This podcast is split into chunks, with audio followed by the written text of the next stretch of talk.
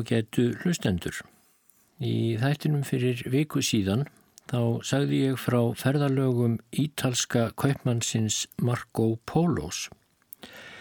En hann fættist árið 1254 og kringum tvítugt þá fór hann í mikið ferðalag á samt föður sínum og föður bróður og þeir fóru eftir silkileiðinni svo kalluðu allarleið austur til Kína og þar dvöldust þeir síðan árum saman og Marco Polo var mikil trúnaðarmadur og hálgerður útsendar í keisarans í Kína en það var mongólin Kublai Khan. Ferðalagið í held rækti ég í þættinum fyrir viku en nú ætla ég að gripa niður í upphafi þeirrar bókar sem Marco Polo skrifaði á samt öðrum manni eftir að til Evrópu var aftur komið og eh, þótti mikil æfintýra bóks og sumir vissi ekki hverju þeir átt að trúa en það voru ferðarlögumilli heimsluta þá afar sjálfgef. Og rétt eins og í þættinum fyrir viku þá stiðst ég stundum við eh, samantekt og Krarup Nílsens en sumstaðar er vitnað beint og orðrétt til skrifa Marco Polos sjálfs. Og það er rétt að taka fram að í lestrinum hér á eftir þá heyrði ég ekkert um að elda ólar við ónákvæmni eða jáfnvel reynar rángfærslur í augum nútíma fólks allavega sem bók Marco Polos vissulega úir og grúir af. En við látum það sem sagt líka millir hluta að þessu sinni. Og þá hefst hér lýsing á hérðum þeim sem farið var um eða þeir félagar höfðu sagnir af í försinni frá litlu Armeníu til hyrðar Stórkansins í Kína. Armeníja skiptist í tvö lönd, Stóru og Littlu Armeníu. Í Littlu Armeníu ræður stjórnsamur og réttlátur konungur ríkjum en hann lítur yfir á þeim tartara. Og ég líti að skjóta því að að í bókin eru mongólar sem þá hafðu fyrir tæpri öld byrjaði að leggja undir sig stóran hluta heimsins, þeir eru æfinlega að kalla þeir tartarar. En áframskalhaldið í landinu, Armeníu, eru margar borgir og fjöldi þorpa og þar er gnægð alls þess er menn vilja hendinni til rétta. Þá landið ennfremur velfallið bæði til fuggla og dýraveiða. Hins vegar er landið sorglega óholt og erfitt yfirferðar. Forðum voru höfðingjar landsins djarfir hermenn sem unnu mörg hreistiverk en núna er þeir orðnir duglausir vesalingar sem fátt geta hana en drukkið en á því sviði sínaði reyndar allmikla hreisti. Niðri við strönd Armeníu stendur borgin Lælas, mikil verslunarborg og má minnast þess að hverskins krydd, silki, glitvefnaður og aðrar dýrmættar vörur koma frá borg þessari. Þangað fara kaupmenn frá Fenegjum, Genúa og öðrum löndum með varningsinn til sölu og hér kaupa þeir nöðsinjar sínar, hver sá sem vil ferðast eitthvað inn í landið, hvort sem er í kaupsíslu erindum eða öðru hann leggur leið sína um Lælas. Og þar sem lýsingu litlu Armeníu er nú lokið þá víkur sögunni að Turkomaníu. Í Turkomaníu búa þrjár óskildar þjóðir. Fyrst skal telja Turkomana sem eru menn síð litlir en tala sjálfstæða sérkennilega tungu. Þeir búa inn á milli fjallana þar sem beitilönd eru ágæti í hæðadrögunum en það lifa þeir mest á kvikfjárrækt. Turkomanar eiga valda úrvals hesta sem kallast turkar og ennfremur verðmætt múldýr. Aðrar þjóðir sem í landinu búa eru armennar og gríkir. Búa þeir á samt turkomönum í borgum og þorpum og reka verslun og eðnað. Búa þeir til fegurstu og áferðarbestu ábreyður sem til eru og afar mikið af dýrmætum silkivefnaði, lifrauðum og í öðrum litum á samt fjölda annara vörutegunda. Helstu borgir í Turkomaníu eru Konja, Kasaria og Sevasta Í Sevasta vann sá loflegi herra heilagur Blasius eilífa kórunu píslarvættisins þegar hann var tekin af lífi fyrir trú sína á Jésu Krist. Auk þess er mikill fjöldi borga og biskupsetra í landinu sem hér er því oflangt upp að telja. Þjóðir þessar lúta allar stór kan Mongóla eða Tartara og skipar hann ríkistjórnina í landinu. Munum við er nú yfirgefa fylgi þetta og skýra frá stóru Armeníu. Stóra Armenia er mikið land og má þar fyrst nefna borgina Ersingan. Þar eru unnir ágættir baðmullardúkar sem bombasín nefnast. Í landinu eru ennfremur heit böð við laugar þær sem þar eru á nokkrum stöðum. Íbúar landsins eru armeníumenn og lúta þeir valdi tartara. Margar borgir og þorp eru í landinu og er biskupsetrið Arsingan þeirra merkust. Af öðrum borgum má nefna Esereirum og Darsis. Armenia er afar víðlend og sumrum ber það oft við að þanga leita heilir herskarar af tarturum. Koma þeir að austan því að í landinu eru ágætir bithagar handa fjenaði þeirra. Á veturna er hins vegar takmarkalauðs kuldi í Armeníu og leita þá tartararnir burt úr landinu til hlýri staða og hendur í beitilanda. Skamt frá borg þeirri er Pæpúrt nefnist eru silfurnámur miklar. Borg þessi stendur við alfaraleið millir Trapesunds og Táris. Vafalust fýsir yður að vita að það var einmitt á fjalli einu í Armeníu sem örkin hans Nóa strandaði. Á fjallstindi þessum er eilífur jökull sem þánar aldrei en eikst stöðugt af nýri snjókomu svo að enginn getur klífið fjallið. Neðar í hlýðunum bráðunar jökullin og vatnið streymir niður á lálendið. Þar eru svo frjósum beitilönd að fjenaður er rekið hangað til hagagöngu um langar leiðir á sömrin og bregst sábítægi aldrei. Jökulbráðin verður að afarmikill í öðrleðju við svegar í fjöllunum. Til norðurs likur Armenia að Georgíu sem ég mun lýsa nánar síðar. Skamt frá landamærum Georgíu er uppsprettað þar sem ólíja vellur upp úr jörðinni. Ólíumagnið er svo mikið að þangað mætti sækja hundruð skipsfarma í einu. Ólíja þessi er óhæf til neistlu en ágætt til brennslu. En fremur er ólíjan mjög notuð til að smyrja með menn og úlvalda til varnar gegn kláða. Ólíja þessi er sótt langar leiðir vegna þess að hún finnst hvergi í nærlegjandi löndum. En nú munum við yfirgefa stór Armeníu og hverfa yfir til Georgíu.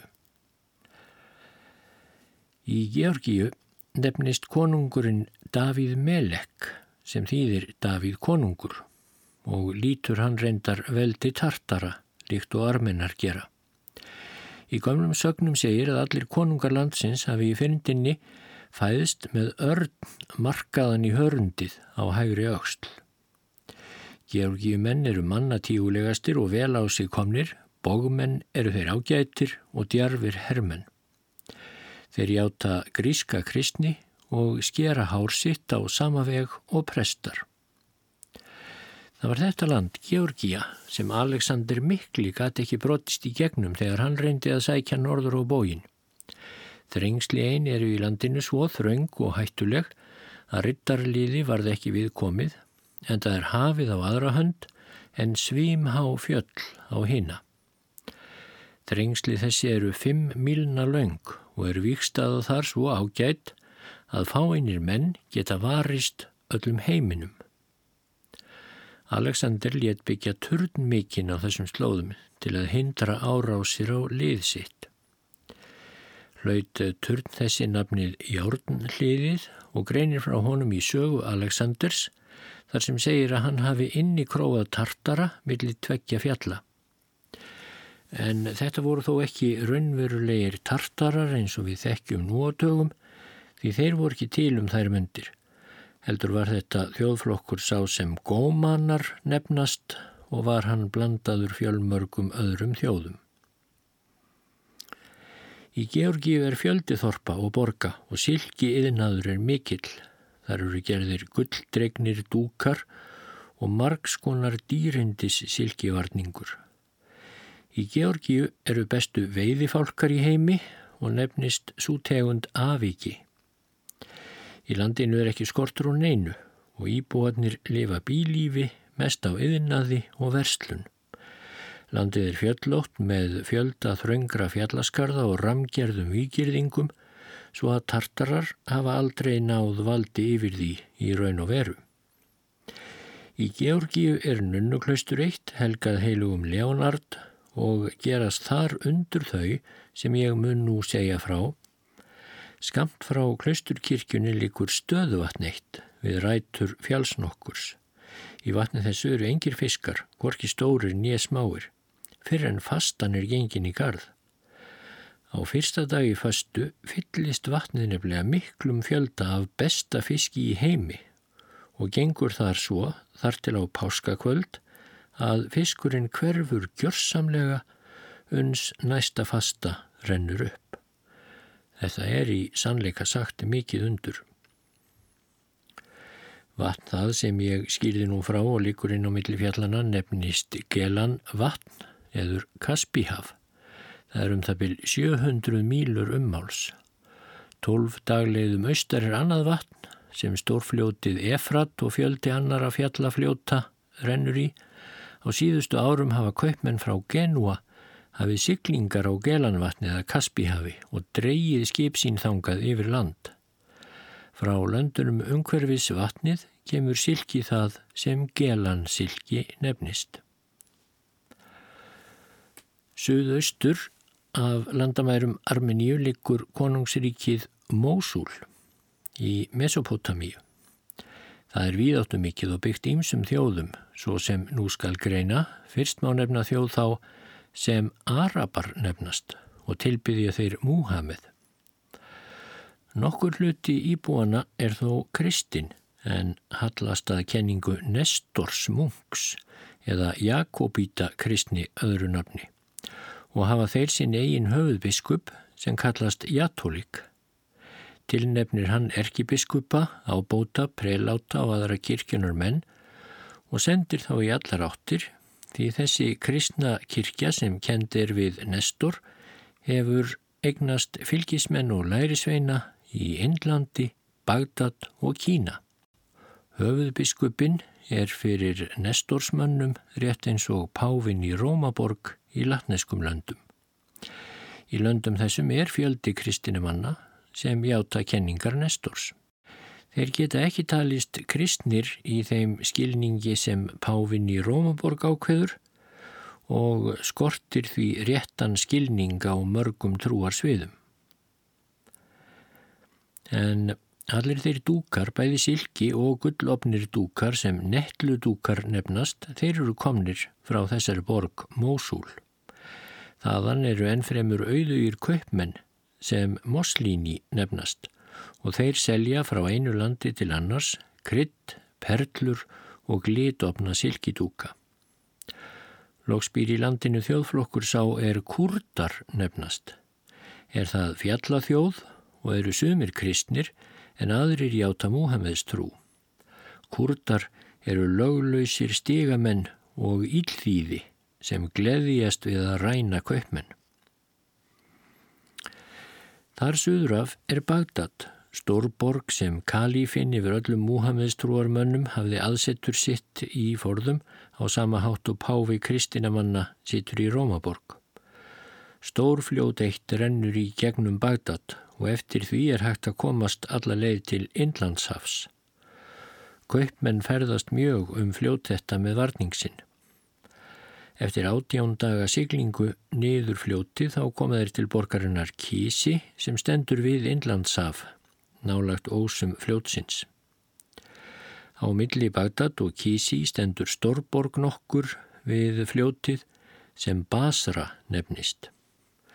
Ungverfis borgina eru miklir skóar og þar vaksa bestu döðlur í heimi. Í Bagdad er mikill silkivefnaður Þaðan kemur glít ofið rósasilki og auk þess damask og pell með íopnum dýra og fuglamyndum. Það er allar perlur sem flytjast frá Indlandi til Evrópu eru griftar í umgjörð eða boraðar í eh, Bagdad. Þar nema menn lögmál Múhameðstrúarmanna og vísindalegum grundvelli en auk þess læra menn töfra, eðlisfræði, stjörnufræði, jarðspár og svipriðafræði. Bagdad er stærst og merkust borg í þessum hluta heimsins. Nú bar svo við dagan okkur á því herrans ári 1255 að Húlagú, konungur austur Tartara og bróðir Kublai Khan, hann helt með miklum herr til Bagdad og tók borginu um síður með áhlaupi. Var það afreiksverk mikill því að í borginni voru til varnar 100.000 rittarar auk ógrinni fótgöngulis. Þegar Húlagú hafi tekið borgina þá fann hann turn mikinn sem kalífin átti og var turnin fullur af gulli, silfri og öðrum gersemum. Sennilega var þetta mesta sapn auðæfa sem nokkru sinni hefur verið til á einum stað. Þegar tartarinn Húlagú sá all þessi djást þá undraðist hann stórum og létt kalla kalífan fyrir sig og meldi Kalífi, skýrðu mér frá því hvers vegna þú sapnaðir saman öllum þessum gersemum og hver var tilgangur þinn með því. Vissir þú ekki að ég var fjandmaður þinn og leiðin hingað með óvígan herr til að ræna þig hásætinu? Hvers vegna notaðir þú ekki auðæfi þín til málagreðslu, handa ritturum og fótgönguliði en þá meira liði sem hefðu geta varið borg þína. Kalífin vissi ekki hverja nátt að svara og þagði þess vegna. En Húlagú held áfram máli sínu og sagði Jæja Kalífi, ég sé hver mikla ást þú ber til auðaveðina og nú vil ég þess vegna gefa þér þau til matar. Því næst let hann loka Kalífan inni í fjárhyrslunni og bauð að honum mætti kvorki færa mat nýja drikk og mælti um leið, nú maður þú kalifi geta eins og þau listir af fjársjóðum þínum sem þú elskaður svo ákaft, en annað færðu ekki að borða. Kalifin satt í turninum fjóra sólarhinga og drafst svo eins og hundur. Og sannarlega hefði Kalifin getað varið auðæfum sínum betur ef hann hefði notað þau til að launa þeim mannum sem vildu verja ríki hans og þjóð fyrir tarturum. Og þá hefði kalífin eftir vil umflúið þau örlög að vera tekin höndum, settur frá völdum og leikin svo grátt sem raun var þá. En eitt er víst að síðan hefur engin kalífi verið í Bagdad nýja annar staðar.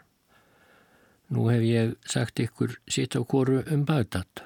Ímsu get ég auðveldlega bætt við frásögnuna svo sem um verslunarháttu og síðvenjur borgarbúa en slík frásögn myndi að líkindum verða of margorð þegar litið er á hver margt er en ósagt af því sem ég ætla að segja frá í bók þessari. Svo hér fer á eftir frásögn um hérna gleistuborg Táris. Táris er stór og mikil borg í fylginu Írak Þar eru margar aðrar borgir og kastalar en tári spyr af þeim öllum um fegurð og fólksfjölda. Íbúar borgarinnar lifa á verslun og eðinaði og þar eru opnar margar tegundir í dúka, bæði silki og glitvefnaður. Lega borgarinnar laðar aðinni verslunarviðskipti og þangað koma vörur frá Indlandi, Bagdad, Mósul, Kremesser og víðar úr löndum. Góðvarningur þessi dregur að sér fjölda kaupmanna, jafnvel frá Evrópu og alveg sérstaklega frá Genua. Koma þeir þanga til vestlunar viðskipta og annara erinda. Ekki dregur það úr viðskiptunum að í táris er mikill markaður dýrmætra steina. Íbúar borgarinnar eru af mörgum þjóðarinnum og flestir fátækir. Þar eru armeníumenn, fylgjendur Nestors, Jakobítar, Georgíumenn, Persar og loks frumbyggjar borgarinnar sem flestir játa Múhameðs trú. Eru þeir menn síðlausir og nefnast tárisar. Ungverfis borginna eru ljómandi aldingarðar með gnótt af stórum og ágætum ávöxtum. Nú munum við er yfirgefa Táris og snúa máli voru að Persíu sem er mikið ríki. Þangað eru átján dagliðir frá Táris. Persía er stórt ríki sem forðum var frækt og voldugt en er nú herjað og eitt af törturum. Í Persíu er borgin Saba en þangað fóru vitringarnir þrýr til að sína Jésu Kristi lotningu. Þeir kvíla nú hlið við hlið í Saba í þremur stórum og skrautlegum grafkvelvingum. En yfir kvelvingunum stendur ferhint hús og er því vandlega viðhaldið. Líkamir vitringana hafa gemst og rótnaður með öllu með hári og skeggi. Einn af vitringunum hétt Kaspar, annar Melkíor og þriðji Baltasar. Herra Marco Polo lagði ítarlegar spurningar fyrir borgarbúa um vitringa þessa en engin vissi önnur skil á þeim en að þeir væru einfallega þrýr forn konungar sem hér væru grafnir. Í þessari borg brennur eldur stöðugt og fólkið veitur honum tilbeðslu eins og guði og við eldþennan eru allar brennifórnir færðar. Slokni eldurinn þá er bröðið við og farið til annara þorpa þar sem sama eldtrú ríkir og sóttur þangað eldur að nýju. Þér verðið annars að hafa það í huga, þegar Persíja er annars vegar, að þetta er afar stort land sem skiptist í átta konungsríki.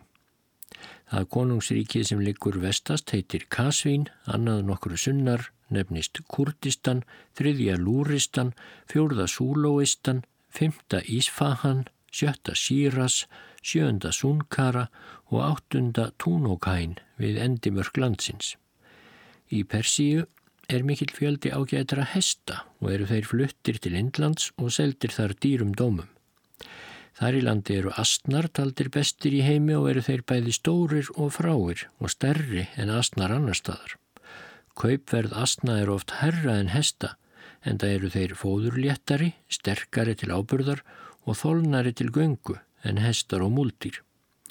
Úlvaldar eru allmikið notaðir, þeir eru sterkir til ábyrðar, ódýrir en ekki jafn fráir og astnarnir. Persneskir kaupmenn flytja hestana til Ormús við Indlandshaf eða Persaflóa en þar taka við menn sem flytja þá til Indlands.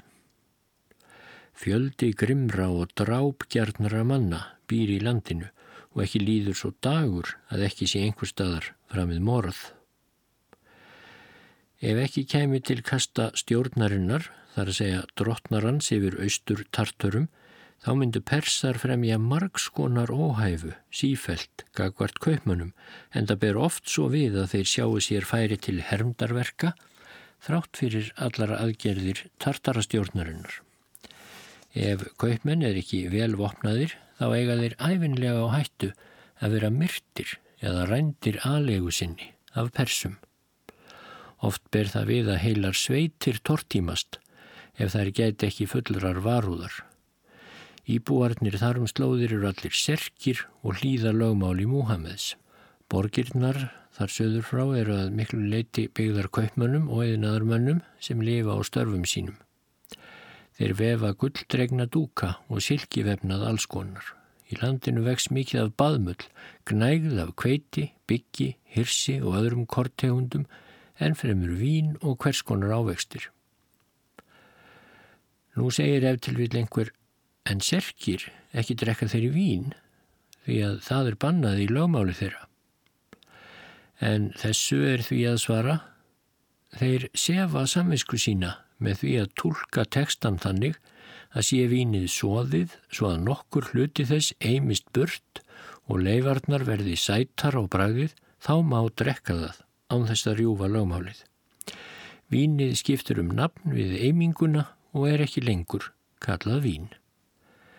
Jast heitir glæst og mikilsverð borg í Persíu. Þar er framleitt mikið af sérstakri gerð silkivefnaðar sem Jasti nefnist. Kaupmenn flíti að vöru þessa til sölu í ýmsum borgum. Borgarbúar eru Múhameðstrúar. Þegar förinni er svo haldið áfram frá jast, þá tekur við Grecia sem er sjödagleðir og aðeins er hægt að fá húsaskjóla á þremur stöðum á leið þessari. Þar vex gnægð af döðlum og veiðirlönd eru þar ákjætt. Ferðamadur sem hefur áhuga fyrir veiðum getur skemmt sér hitt besta á leiðinni. Þar eru ennfremur vildir asnar, hinnar fegurstu skemnur. Eftir sjödagaferðum sléttuna þá er komið inn í veglegt ríki sem Kýrmann heitir. Það er hluti af Persíu og gekk konungstignin yfir landinu í erfðir að fornu. En síðan tartarar unnu landið þá gengur hásætið ekki lengur að erfðum, milli höfðingja í landinu sjálfu, heldur er það skipa þeim sem þjóðhöfðingjum tartara þóknast að fá í hendur stjórnartaumana. Í þessu landi er mikið af gimsteinum þeir sem turkis nefnast og eru þeir unnir úr fjöllunum. Þar er enn fremur gnægð af járni og íbúar landsins eru ágætir vopnasmiðir. Söðlar, beistli, sporar, sverð, bogar, örfamælar og hvers konar vopn eru vandlega gerð eftir síðum og háttum landsmanna. Handavinna húsfreyjana og dætra þeirra er með afbreyðum fögur. Það er sauma í silki, allskonar, fuggla, dýr, tré og blóm með fjölmörgum litum og af mismunandi gerðum. Það er vefa vegtjöld þau sem auðmenn nota og gerði eru á svo miklum hagleik að undrum sætir. Samamáli gegnur um ábreyður, hægindi, sessur og ótalmart fleira. Í fjöllunum eru einhverjir bestu fálkar í heimi Þeir eru nokkru minni en förufálkar og rauðir á brjóstinu undir vangjunum og innanverðum fótunum. Fálkarnir eru svo hraðflegir að engin fuggl kemst undan þeim. Frá Kýrmann er svo haldið áfram um sjödagleðir. Vegurinn liggur öðru koru um borgir og reysuleg þorp. Ferðin er þægilega á þessum slóðum og ágætt tækifæri til þess að veiða með fálkum og á annan hátt.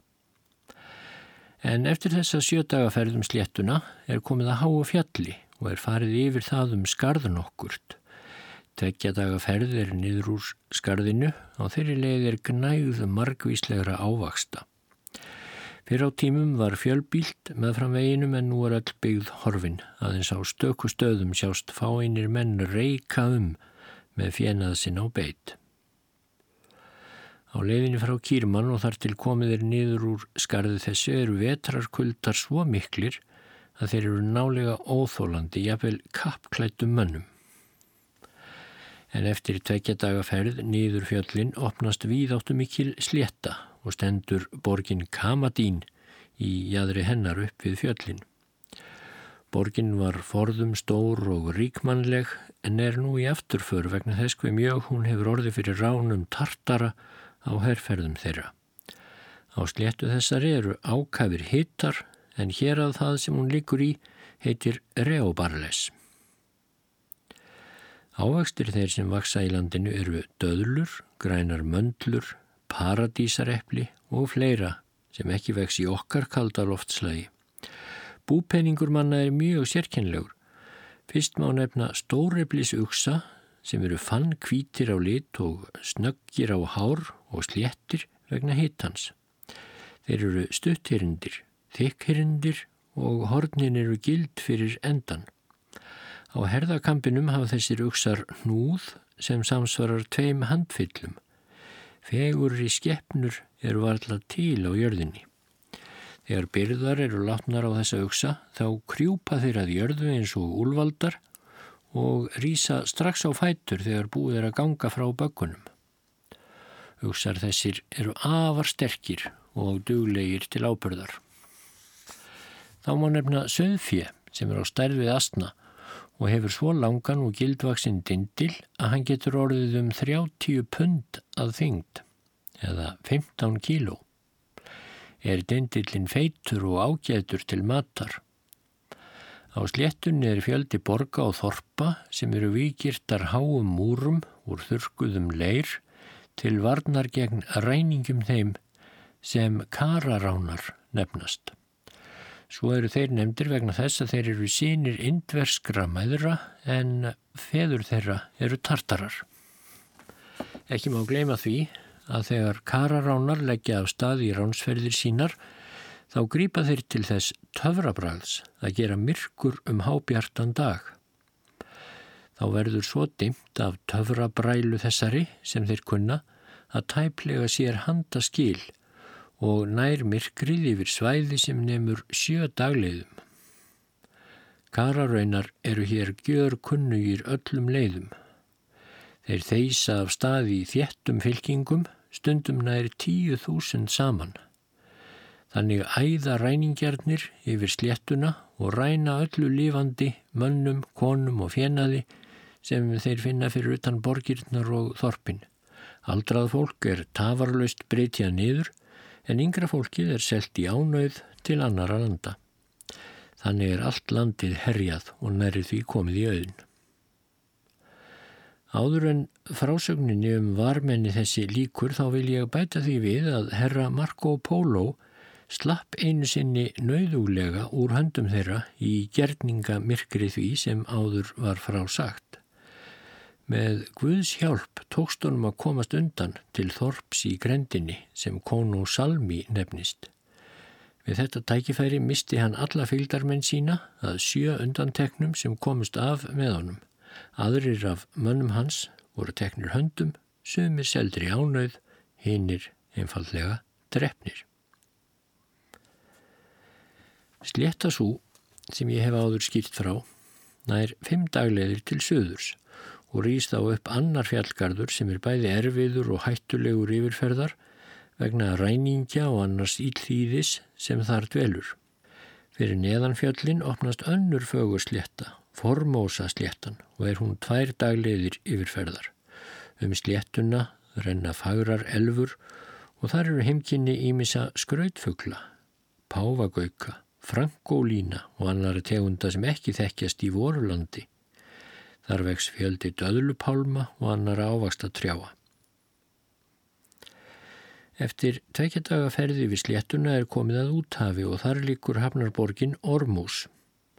Indverskir kaupmenn sigla þangað skipum sínum, hlöðunum krytti, gimsteinum, perlum, indversku silki, glitvefnaði, fílabeini og fleiri vörum. Varning þennan selja þeir kaupmennum í Ormús en þeir flytja hann lengra áleiðis til sölu um allan heim. Ormús er geysi mikil verslunarborg og lítur fjöldi borga og þorpa valdi hennar. Í Ormús ræður sá konungur ríkjum sem Rokneddin Mamút heitir. Ungverfi borgarinnar er heilsuspillandi og sólarhittinn er beinlýnis gegvænlegur. Ef einhver kaupmaður deyri í borginni þá gerir konungurinn eigur hans upptækar umsvefalaust. Landsmenn gera vín úr döðlum og blanda það krytti og er vín þetta príðilegur drikkur.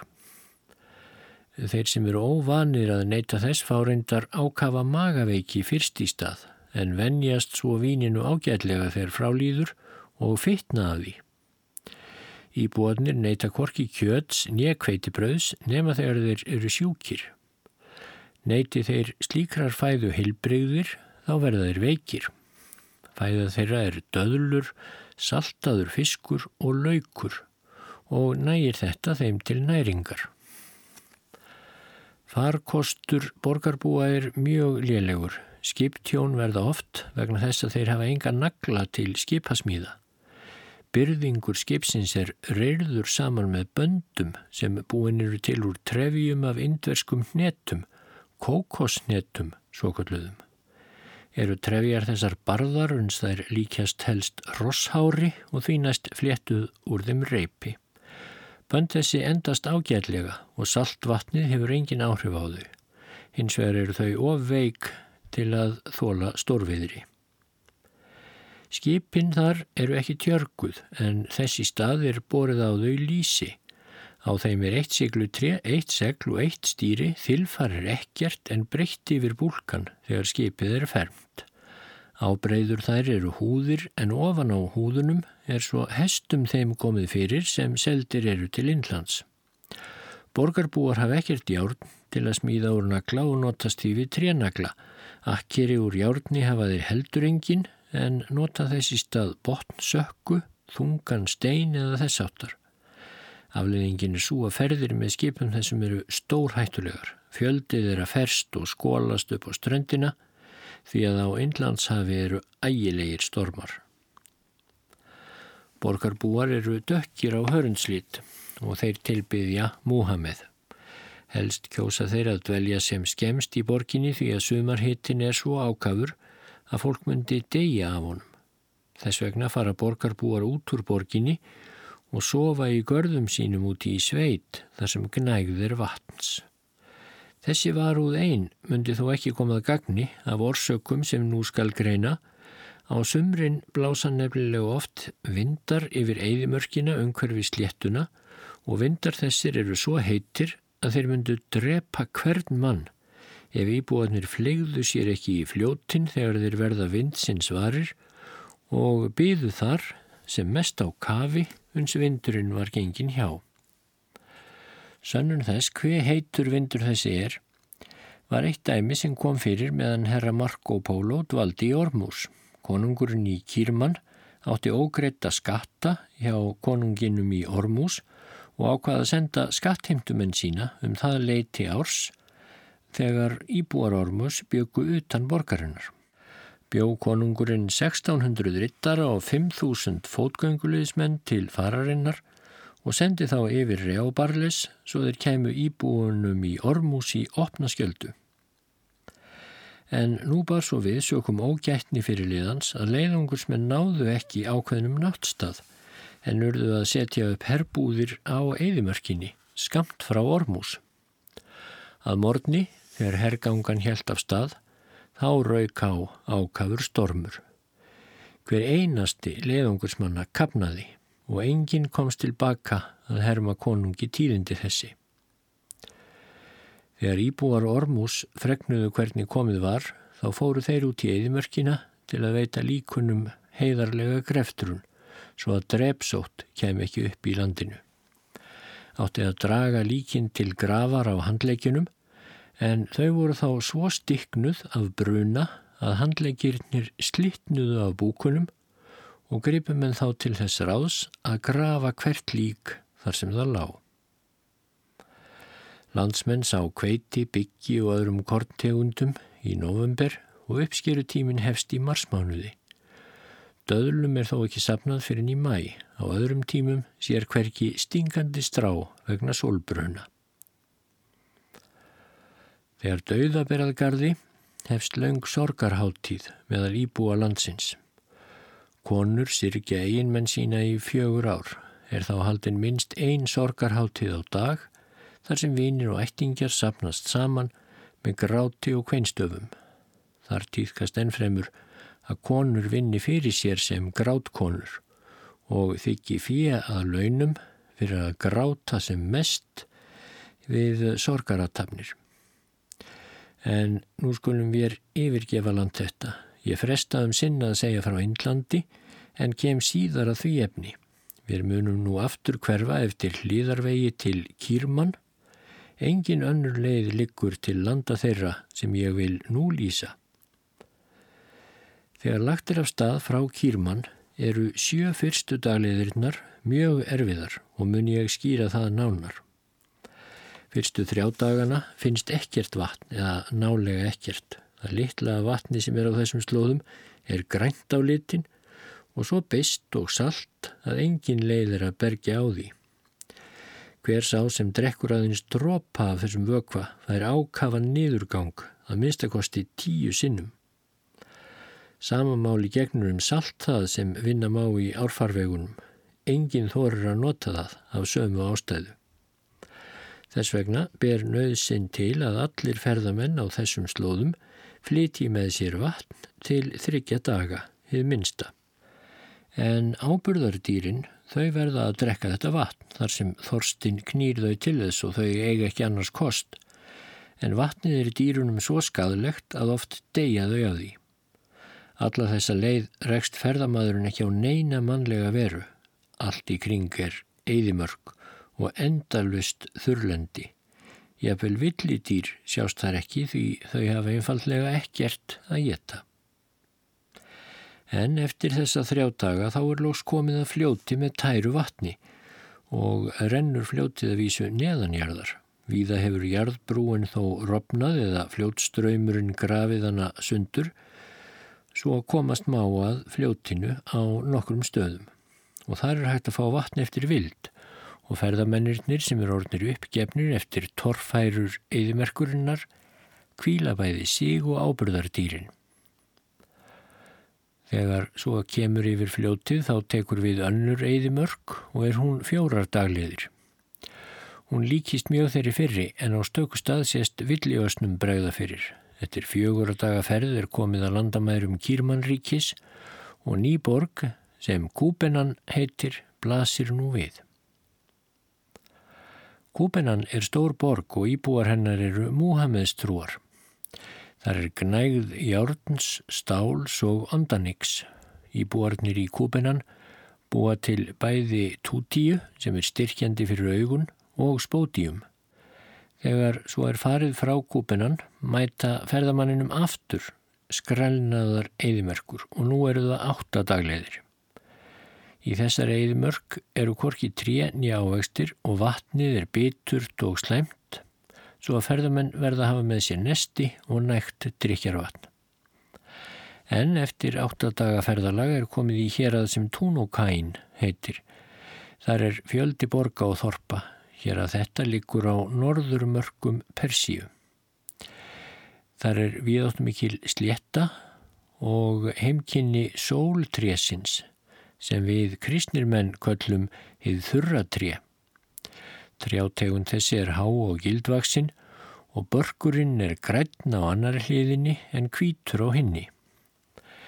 Nettur sóltrésins líkjast kastaníunettum nema þær eru kjarnalöysar.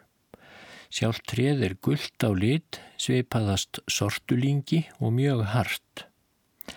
Í grend við vakstarstaði þess er skólaust nema á einum stað, nokkrar mílur í burtu, en þar segja menn að stór orustan fræga milli Dariusar Persakonungs og Alexander Smikla hafi verið háð. Í borgum og þorpum er gnótt góðra hluta og mildt loftslag, gorki of heitt nýja of kallt. Íbúarnir eru múhameðstrúar og sérstök glæsimenni og engum eru konurnar forkunnar fríðar. En leiðin heldur nú áfram og likur fyrstum víðlenda sléttu uns við tekur landslag þar sem skiptast á fjöll og dalir með ágætum beitilöndum og gnótt ávaksta, þeim sem gerðu húlagú und að dveljast svo lengi á þessum slóðum. Land þetta er sex dagleiðir og þar er fjöldi borga og kastala. Í búa landsins eru Múhameðstrúar. Og þá tekur við ein eðimörkin enn. Þessi er 50 til 60 milna laung og algjörlega vasslaus, svo hafa verður með sér vatna á ferðalögum. Ekki þarf þó að hafa vatn með sér handa ábyrðardýrunum því þau komast af vasslaus yfir eðimörkina og að næsta vassbóli. Eftir sex daga ferðir komið til borgarinnar Sapúrgan. Þar fást ríkulegar byrðir af öllu sem hugurinn gyrnist. Frægust er Sapúrgan fyrir að framleiða bestu melónur í heimi. Til geimslu eru þær sneittar niður í lengjur og bakkaðar í sólinni. Að þurkuninni í lokinni eru þær sættar sem hunang og seldar um allan heim.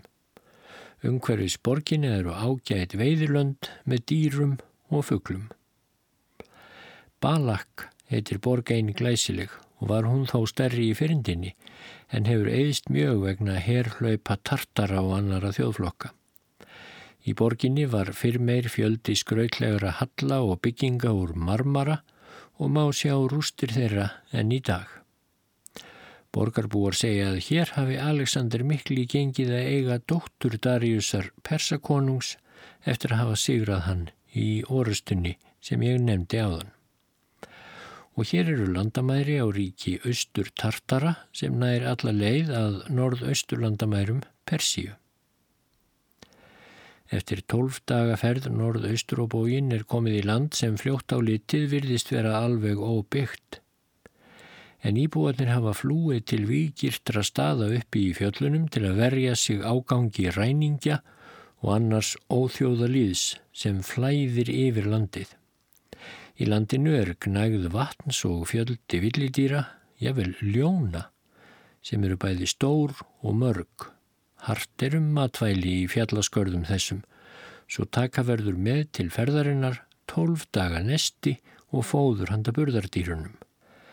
Eftir tólf dagaferð er komið að kastalæginum sem tækan nefnist. Það er kornmarkaður mikill því að landið umhverfis er fagurt og frjósamt. Móti tækan blasa við í söðri há og snar brött fjöll úr drifkvítu salti. Fólk þyrpi stað hvaðan æfa úr grendinni til að sækja sér salt. Sumir sækja þangaði að vel 30 dagliðir. Saltið er svo hart að það verður að vinna það með höggjárni en svo mikið er af því að næja myndi öllum jarðarbúum allt til heimsendis. Eftir þryggjadaga ferð á hestum norðaustur og bógin frá Tækan tekur við þjettbílt og fagurland með mikill í vínirkju og ávastarækt og er allur varningur þar mjög ódýr. Landsmenn tilbyðja Múhameð, þeir eru fláráðir, drápgjarnir, saurlífir og sólgnir í áhættu spil og víndrykju. Þeir eru síölvaðir og vín þeirra eru ágætt þóttu þau séu sóðin. Þeir ganga berhöfðaðir en bregða þryggja spannarlöngu bandi um ennið. Veiðimenn eru þeir með afbreyðum og veiða hvers konar dýr. Klæði bera þeir engin, önnur en dýrafeldi og er allur frágangur skinnana með ágætum. Lesandin hefur nú fyllt Marco Polo og félögum hans fyrsta áfanga langferðarinnar miklu. Þeir hafa heyrt frásögn hans um merka atbyrði er hann sá og hyrði í mörgum löndum sem leiðans lág um En nú höfum við náð merkilegum áfangastað. Feneingarnir þrýr koma með úlvaldalest sína til hennar fornfrægu borgar Balak sem í fyrndinni bar glæsinafnið Amu al-Bulat, móðir borgarna. Vestur hluti Asíu liggur að baki þeim og framundan eru landamærin að Kína. Ferðin inn í hjarta Asíu er framundan.